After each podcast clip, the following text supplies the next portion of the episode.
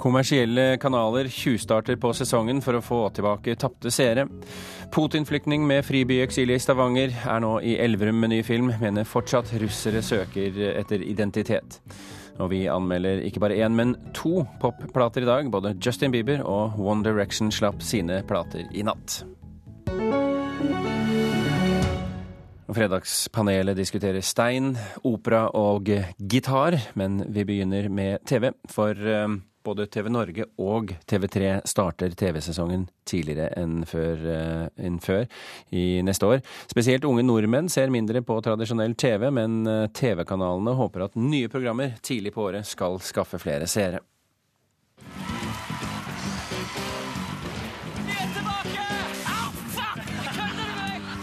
Talkshowet I kveld med Ylvis starter opp igjen 5.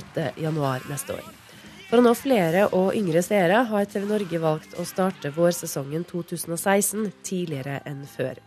Harald Strømme, administrerende direktør og sjefredaktør for Discovery Networks Norway, som eier TV Norge, tror at kanalen vil øke seertallene sine om de nye programmene blir vist tidligere på året. Desember og januar har vanligvis vært eh, det er høysesong for seerne, men det er lavsesong for annonsørene. Derfor har kommersielle kanaler hatt et dårligere tilbud i de to månedene. Nå velger vi å gjøre noe med det, eh, også fordi NRK har jo brukt den anledningen til å virkelig ta grep, eh, særlig i januar i fjor, hvor vi så at det fikk konsekvenser utover hele, hele våren. Eh, nå velger vi å ta, ta et grep. En eh, økt risiko er det jo, men, eh, men, vi tror det vil være klokt å komme tidlig i gang. Og få seerne på lag fra første uke i januar. TV3 starter også sin sesong tidligere enn før, med 100 timer EM i herrehåndball, sier pressesjef Line V. Hanum i MTG TV, som eier TV3. Ja, man etablerer jo seervaner ganske tidlig, så hvis seerne begynner å følge med på et program tidlig i sesongen, så er det mindre sannsynlig at de hopper av det og skifter ut med et annet program. Så Derfor er det viktig å komme i gang tidlig. Mens de kommersielle kanalene før har tatt hensyn til et labert annonsemarked på nyåret, har NRK startet tidlig med nye programmer i januar.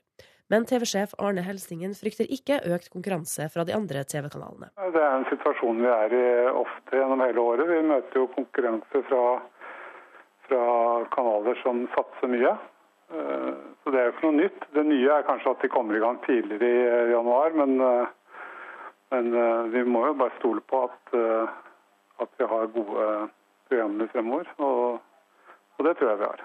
Medie- og forhandlingsdirektør i Karat, Harald Eide Fredriksen, tror det er lurt av TV-kanalene å starte sesongen tidligere. Jeg tror det kan være et bra grep for å utvide sesongen og på den måten bruke varelageret sitt bedre for å nå til sammen flere seere. Men det er vel også litt trend i tiden at uh, mens eh, annonsørene tidligere var mer opptatt av å samle seg også i kampanjer på, på samme tidspunkt, så har også nå annonsørene valgt å være mer kontinuerlig til stede og, og er på TV og andre mediekanaler hele året. TV 2 har ikke ønsket å uttale seg i akkurat denne saken. Reporter her, det var eh, Eirin Venås Sivertsen. Kunstneren Vanessa Baird fikk i går kveld Lork Skives kunstpris for 2015. Kunstprisen på 500 000 kroner er Norges største. Baird vant med veggtegninger som sidestiller beskrivelser av menneskelig kaos, som f.eks. druknede flyktninger i Middelhavet, med Gustav Vigelands veggrelief 'Helvete'. Vanessa Baird fikk prisen på Trondheim kunstmuseum og konkurrerte med tre andre nominerte. Ordningen som skal lokke utenlandsk film til Norge kan gå tom for penger allerede på nyåret, frykter lederen av Norsk Filmforbund, Sverre Pedersen.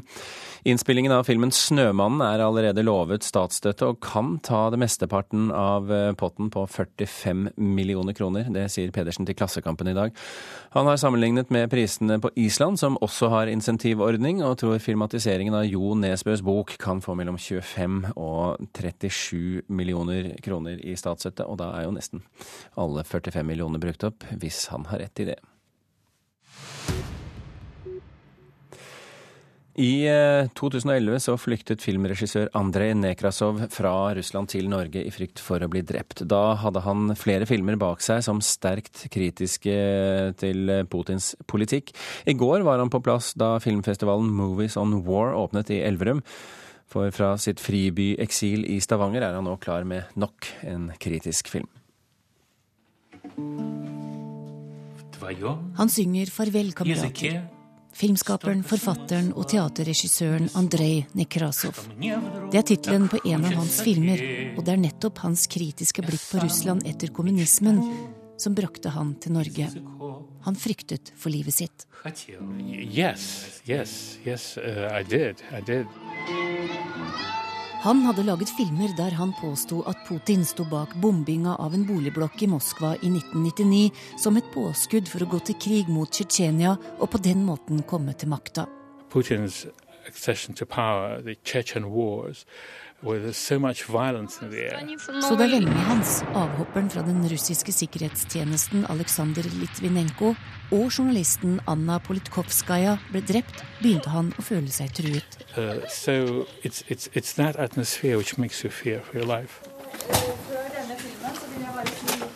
fra sitt fribyeksil i Stavanger kom den prisbelønte regissøren til nisjefestivalen Movies on War i Elverum i går. En festival som setter søkelys på krig, fred og forsoning. Og vår mektige nabo i øst er et viktig tema for oss, sier festivalsjef Mona Pedersen. Det er jo ikke bare Andrej vi har på programmet i år, vi har jo et program som tematiserer Russland. Altså Det er jo et mye kjøligere klima mellom Norge og Russland nå. Og som en liten nasjon, grensenasjon til Russland, så, eh, så syns vi det er riktig å sette søkelys på det. Russland leter etter sin egen ideologi, mener Andrej Nekrasov. Og folket trenger noe å tro på. Derfor elsker de Putin. Han er symbolet på at landet fortsatt har styrke. I kinosalen i går fikk vi se Nekrasovs film 'Vantro'. Historien om boligblokka i Moskva som eksploderte. Nå er han i gang med en ny film.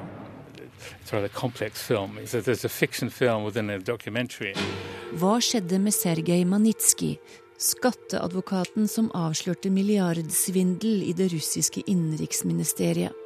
Han ble drept av sine egne fangevoktere i fengsel.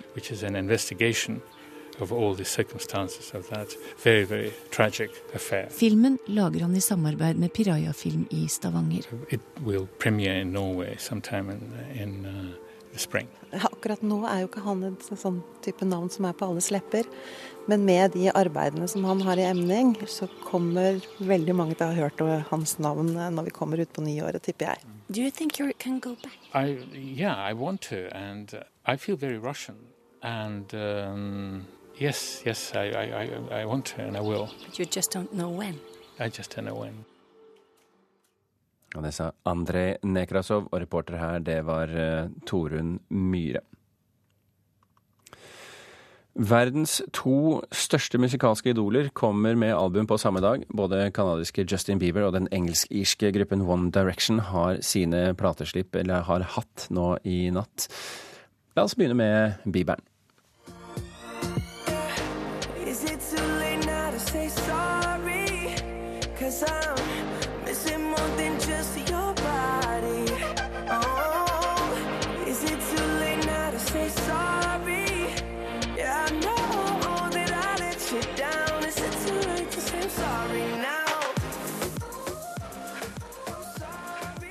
I NRK P3, Eli van der Einden, velkommen til Kulturnytt. Takk for det. takk for det. Hvis vi tar dette her da først, eh, Justin Bieber. Eh, det ble jo en skikkelig nedtur på Chateau Neuf for et par uker siden. Er dette en opptur?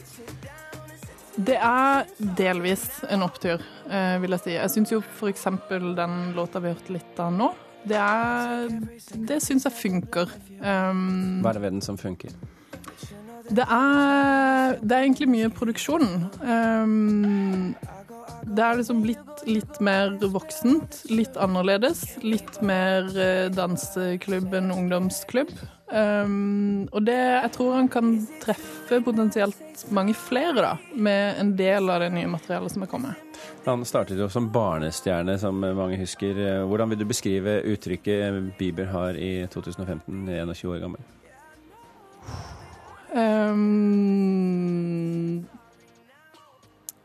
Ja, hva nattklubb. skal man si? Du var, Eh, du var litt inne på det. Nattklubb ja. kontra ungdomsklubb. Eh, Er, er dette voksen popmusikk, vil du si? Jeg syns kanskje voksen er å ta litt hardt i. Ung voksen popmusikk, vil jeg vel eh, kalle det. Og med en sånn fin eh, urban side til seg. Vi kan få et uh, klipp til.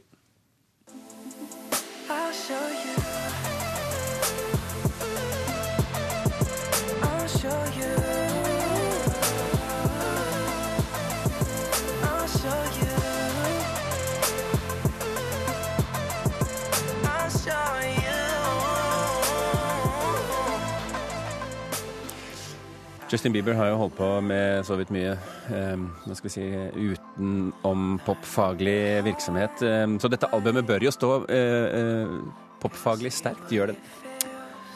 Ikke i sin helhet, syns jeg. Um, det er varierende kvalitet, og det er litt sånn at vi, vi har allerede fått det beste, syns jeg da. Singlene er jevnt over sterke, mens albumet i sin helhet er ja, ganske middelmådig, egentlig. Og så er det Det er jo en, en veldig lang og litt kjedelig unnskyldning, egentlig, dette albumet. La oss hoppe til litt eh, mer gøyale humørspredere fra de britiske øyer, One Direction. Nobody can drag me down my life. You stood by me when no one else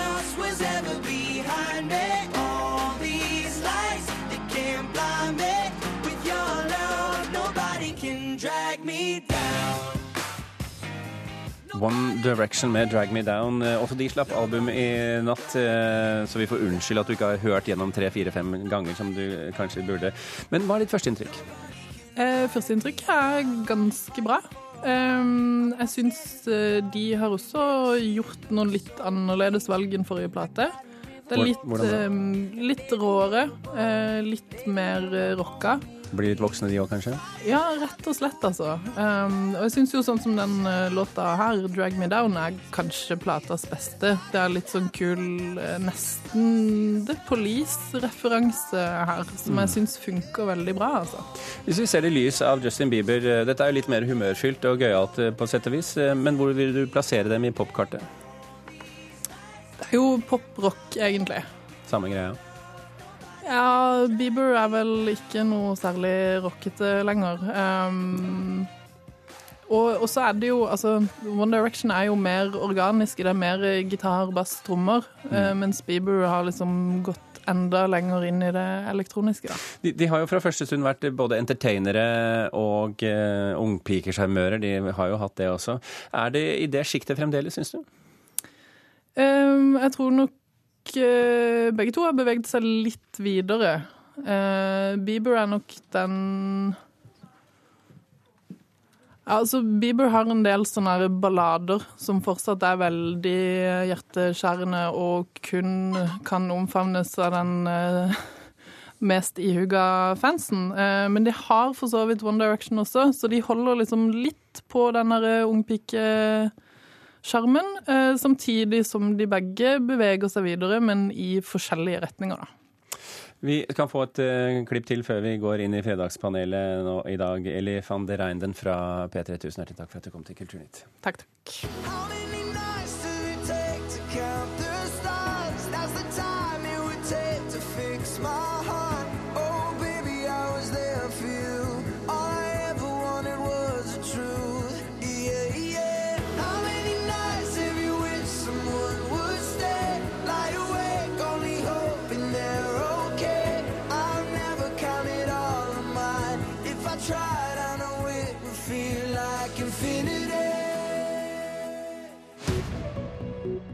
Klokken har passert 17 minutter over åtte. Du hører på Kulturnytt, og dette er toppsakene i Nyhetsmorgen nå. Unge arbeidsløse koster samfunnet flere hundre milliarder kroner. Mulla Krekar kan bli værende i Norge i en god stund fremover, selv om Italia vil ha ham utlevert. Det mener flere juseksperter. Og USA har gjennomført et luftangrep i Syria for å ta livet av mannen kjent som Jihadi John. Islamisten har halshugget gisler for åpent kamera. Og da har vi kommet til eh, dagens fredagspanel. Eh, norske eh, artist, arkitekter skal vi begynne å snakke om, om litt. Vi må presentere panelet, selvsagt. Kristin Clemet, leder for tenketanken Civita. Kjersti Horn, teaterregissør. Og Jan Zahl, kommentator i Stavanger Aftenblad fra vårt studio i Stavanger. Velkommen, alle sammen. Tusen takk. Er du komfortabel der borte på Ullandhaug, Jan Zahl? Særdeles komfortabel. Det er godt å høre. Vi skal altså snakke om norske arkitekter som denne uken fikk kritikk fordi de velger utenlandske materialer og råstoff der de kunne valgt norsk. Det var eh, arkitektene som må endre tankesett, mener arkitekturprofessor ved NTNU. Og spørsmålet vårt er enkelt. Bør de det, Kristin? Tja. Kjersti? Ja. Jan? Ja. Det var da en eh, skjønn bukett av enige mennesker her. Kristin, hva er årsaken, syns du? Ja, altså, Jeg sa tja, fordi at eh, jeg, jeg kjenner ikke norske arkitekter så godt at jeg vet om de tenker så dårlig som han eh, påstår. Men eh, jeg er jo i og for seg enig i det at man godt kan tenke seg om. Vi skal jo ikke velge norsk bare fordi, hvis det er dyrt og dårlig, og velge det bare fordi det er norsk. Men hvis det fins gode norske alternativer, så syns jeg det kan være gode grunner til å velge det. Det gir jo næringsutvikling, og det kan jeg mener, Vi snakker jo ofte om Men tror om du arkitektene sitter og tenker at det er et kulere med, med utenlandsk stein? Nei, det er derfor jeg sier tja. For jeg vet ikke om de tenker så dårlig som han sier. Men jeg syns vi kan si at de i hvert fall bør tenke over muligheten for å velge norsk. Ofte så snakker vi om eh, signalbygg som skal stå utrolig lenge, og som har kostet milliarder av skattekroner. Og det gir jo en viss stolthet hvis man greier å velge noe som er flott og norsk, da. Og det gir også eh, næringsutvikling, og så er det kortreist. Jan Zahl fra Trehusbyen Stavanger. Det er litt komplisert å komme etter Kristin Clemet, for hun sier jo alt eh, som er akkurat sånn. Det er omtrent. Men, men, eh, men nettopp det der med eh, det kortreiste elementet, og poenget er at hvis et praktbygg i Norge, det bør på en måte bære preg av at det er et praktbygg i Norge. Det er jo ikke noe vits i å lage et praktbygg i Norge som kunne stått hvor som helst. Og hvis en da har materialer som er helt fine å bruke, så bør en jo bruke de. Og det er det kortreiste elementet, altså du trenger ikke frakte materiale over hele verden hvis de finnes i Norge, rent sånn klima. Men, men ofte så, så frakter de jo dem ikke fordi de ikke kan ta ut steinen i Norge, men fordi de må kutte den et sted som er billigere, f.eks. i Kina. Og da er kanskje litt av argumentet borte? Da må vi opprette en eh, veldig god og bærekraftig kuttenæring i Norge. Nye arbeidsplasser. Vi trenger det nå. Spesielt på Sør-Vestlandet. Kjersti? Jo, nei, jeg ble så glad da jeg hørte det om Nasjonalmuseet, at de skulle bygge det i norsk stein. Og det er jo på en måte litt kvalmt nesten at man skal frakte stein over hele verden når vi har så mye stein her. Men ta operaen, da, for eksempel, eh, som fikk veldig mye kritikk for det de brukte italiensk stein. Og det er jo ikke rart egentlig å bruke italiensk stein når vi snakker om en it italiensk kunstform, sitt eget hus. Nei, men jeg vet ikke. Noen ganger så syns jeg det er litt harry når jeg ser på operaen med den hvite marmoren. Jeg vet ikke. Jeg, jeg tror at man blir mer stolt. Jeg tror eh, faktisk det. Ja, her. Over et sånt hus. Veldig mye om ting som spiller inn her. ikke sant? Altså, altså, som sagt, Vi kan jo ikke sitte her og så gjøre, forvente at dyre og dårlige produkter som vi, hvor vi ikke er konkurransedyktige, skal velge det bare fordi det er norsk. Eh, verden er jo ikke så liten. Men, eh, men jeg tror heller ikke det er så enkelt som jeg sier. Jeg tror ofte at, eh, og Vi må også tenke på det at eh, det er klart hvis eh, et norsk alternativ får muligheten, så gir det også nye utviklingsmuligheter. Det booster jo så å si kreativiteten og konkurransedyktigheten, og så kommer det nye alternativer. Jeg kan ikke mye om den kuttebransjen, men det er klart hvis det blir kjøpt veldig hvis det ble kjøpt veldig, hvis det ble kjøpt veldig mye stein i Norge, så ville det sikkert også dukke opp flere kuttebedrifter. Jeg, jeg spør deg ikke flere ganger om å snakke etter Kristin Clemet, jeg, Jan Sahl, for det, kan jo ta selvtilliten fra en eh, mann, det, altså. Eh, vi går til neste spørsmål. Bergen Nasjonale Opera har bare 35% norske sangere på scenen, fortalte Kulturnytt denne uken. Og til sammenligning, sammenligning har eh, Tromsø nær 80 og Oslo også ganske høyt over dette. Sjefen for Bergensoperaen mener det ikke er mange nok gode norske sangere til å øke prosentandelen. Spørsmålet vårt er eh, litt annerledes i dag. A eller B skal vi ha svar på nå. Hva er viktigst? Å fylle opp med norske sangere, eller B å gi publikum de beste sangerne? Kjersti Horn. Eh, B. Jan Sahl. Ja, A og B de er jo ikke utelukk, gjensidig utelukkende. A og B. Kristin Clemet. Er du tøffere enn som så? Premisset er feil. Det er ikke lov. Ja, Da vil jeg si de beste sangerne B. Ja. Jan Sahl, du skal få lov til å snakke først nå. Ja, dette blir litt sånn, det blir en litt, sånn, litt nasjonalromantisk eh, fredagspanel, dette. Liksom Norge. Norsk stein og norske sangere. Eh, men men eh, jeg mener jo at eh, Mary Miller, altså sjefen for den nasjonale operaen i Bergen, tar feil når hun sier at det bare finnes 15-20 norske operasanger som holder mål. Hvis det var sant, så hadde de jo ikke klart å fylle opp med norske operasangere noen annen plass, og hun får jo ingen støtte, verken blant eh, sangerne eller blant de andre som driver opera. Så eh, i dette tilfellet så er det altså Mary Miller som tar feil. En bitte liten parentes. Før hun begynte å jobbe i Bergen, så var hun sjef for Stavanger 2008, altså det største kulturarrangementet i norgeshistorien, eh, kulturhovedstadsåret i Stavanger. En av kri- hovedkritikkene her også var jo at hun tok inn en drøss med folk fra utlandet eh, som hadde de største arrangementene. Så hun har veldig god oversikt over utenlandsk eh, kulturfolk, men ikke så god over de norske, tydeligvis. Kristin. Det er jo samme problemstilling som i sted. Altså, Vi kan jo ikke fylle opp eh, operaen med dårlige norske sangere bare fordi de er norske. Men premisset igjen, spørsmålet er om ikke det er feil, og det er helt riktig som Cato sier her, altså at dette er jo møtt motstrid hos alle. Man sier at det er ikke noen motsetning med å ville ha de beste sangerne og ha norske sangere. Og det er mange norske sangere som gjør det bra internasjonalt. Eh, og, eh, men det som sies, er at man må være veldig tidlig ute. Det er voldsomt lange planleggingshorisonter, man må booke dem tre-fire år i forveien osv. Uh, og hvorfor er det viktig? Det sies jo det at hvis du skal dyrke frem en god sanger, så må de få en sjanse også nært der de er, da. For det er der det begynner, hvis man skal utvikle seg. Så jeg hører alle andre fagfolk som har diskutert akkurat dette, de sier jo bare at dette er en falsk motsetning. Det er gode norske sangere. En av eh, tingene vi må nesten si, Kjersti, for at lytterne kan jo ikke se deg når du, når du sitter her, men da jeg stilte dette spørsmålet og avkrevde svar, så knep du øynene sammen og hadde veldig store problemer med å velge. Ja. Hvorfor så i tvil? Nei, for det er jo ikke noen motsetning, som de andre sier. Jeg synes det er veldig trist, sånn som hun uttaler seg om det. det hun utdefinerer seg jo helt. Det er vel ikke heller sånn at det er inntrykk av at Bergen Nasjonale Opera har så vanvittig mye høyere kvalitetsnivå enn Operaen i Oslo, f.eks. Jeg tror det har betydd enormt at Per Boje Hansen har satset på norske sangere. Også for at man skal få et eierskap til de produksjonene han lager. Og det er fantastiske norske sangere. Så det, det er jo bare tull. det hun Men snakker om. hvorfor så i tvil? Du, du, du Det var sleit ikke jo et med å rart spørsmål, da. Det ene eller det andre. Det, det, det, det ja. Det er jo Fredagspanelets natur å gå i den ene eller andre skyttergraven. Ja, ja, ja, ja.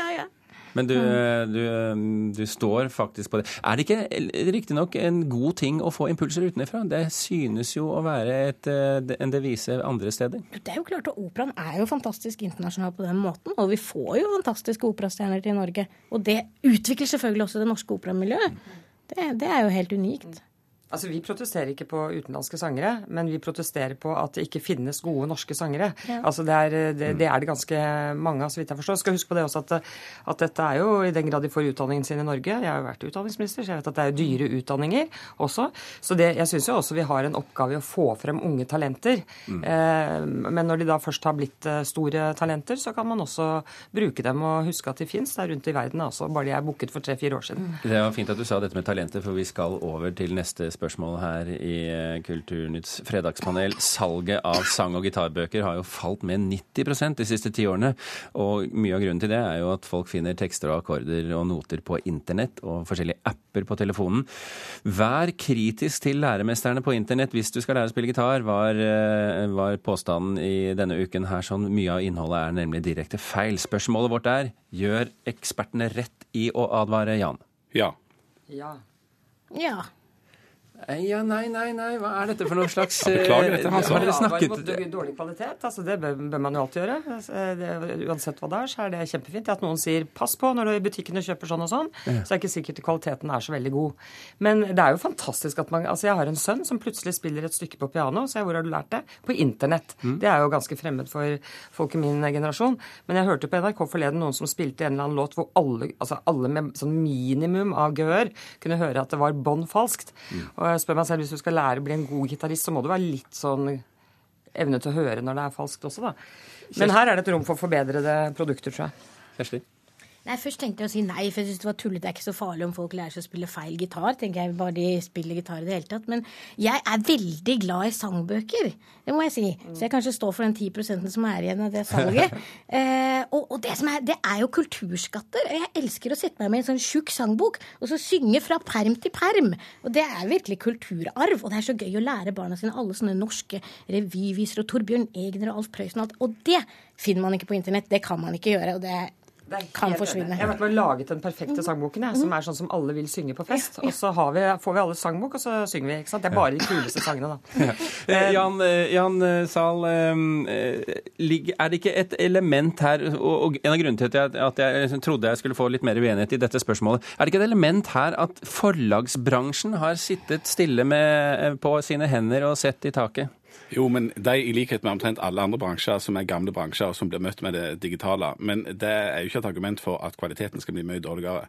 I dag viser det seg å være dagen der jeg skal framstå som både kulturkonservativ og nasjonalromantiske. Men eh, som ikke er hver dag. kan Trodde du det da du våknet i morges? Absolutt ikke Absolutt ikke. Dette er bare markedet som virker, og så kommer det ut et dårlig produkt. Og særlig fordi dette er en ny måte å gjøre det på. Så liksom man driver og prøver seg frem. Så sier noen obs, obs, vi må få noen bedre produkter på markedet. Og da bør jo musikkforlagene f.eks. melde seg, og kanskje gå inn Jeg vet ikke om de gjør det, men Gå inn i sin tid. Ja, gå inn i sin tid, ja. Der fikk du den referansen også, Jan. Men hva, var det du skulle si? Nei, det har jeg allerede glemt. Men, um, men, men det er òg et element av dette opphavsrettslige. Altså, dette er jo et stort problem i den digitale økonomien, at de som lager produktene, ikke lenger får penger for det, og ikke lenger blir på en måte anerkjent for å ha lagd. Og det gjelder musikk, og det gjelder litteratur, og det gjelder journalistikk, og det gjelder film, og det gjelder alt i hop. Sånn at, eh, men, men de må jo lage noen løsninger sjøl, de som sitter på opphavsrettene, og de som sitter på det som er rette toner i Stairway to Heaven, sånn at det er mulig å få tak i på en annen måte, og som genererer litt penger til de som har lagd dette her. Er det noe du bekymrer deg for? Opphavsretten her? Det kan jo være, altså Jeg er ikke bekymret på lang sikt, for jeg tror man finner løsninger. Men alltid i sånne overganger, når man skal over til nye medier osv., så, videre, så oppstår det veldig mye problemer. ikke sant? Når boken kom, så trodde man at man skulle slutte å Jeg vet ikke, men det er alltid panikk ved, ved, ved den typen overgang. leirbål Ja, jeg husker ikke hva det var man skulle slutte med da, men poenget er i hvert fall at på lang sikt så, så, så finner, eh, finner vi løsninger. Så det er jeg ikke så veldig bekymret for. Men på kort sikt så er det alltid et, et overgangsproblem, og det er vi inne i nå. For mange bransjer. Skal vi konkludere dette fredagspanelet med at er liksom Heia Norge, Stein er supert, operasangere er bra, eh, kjør på og lær feil på internett, for det blir bra til slutt? Er det høres det ut som en god konklusjon? Ja, Bortsett fra det siste der. ja, ok. Men vi må ha til notepapir i tillegg. Ja, det skal. Jan Zahl fra Stavanger, Kjersti Horn og Kristin Clemet her i studio i Oslo. Tusen hjertelig takk for at dere var med i Fredagspanelet. Vi runder nå av Thomas Alvarstein Ove og Birger Kolsrud Aasund takker for følget.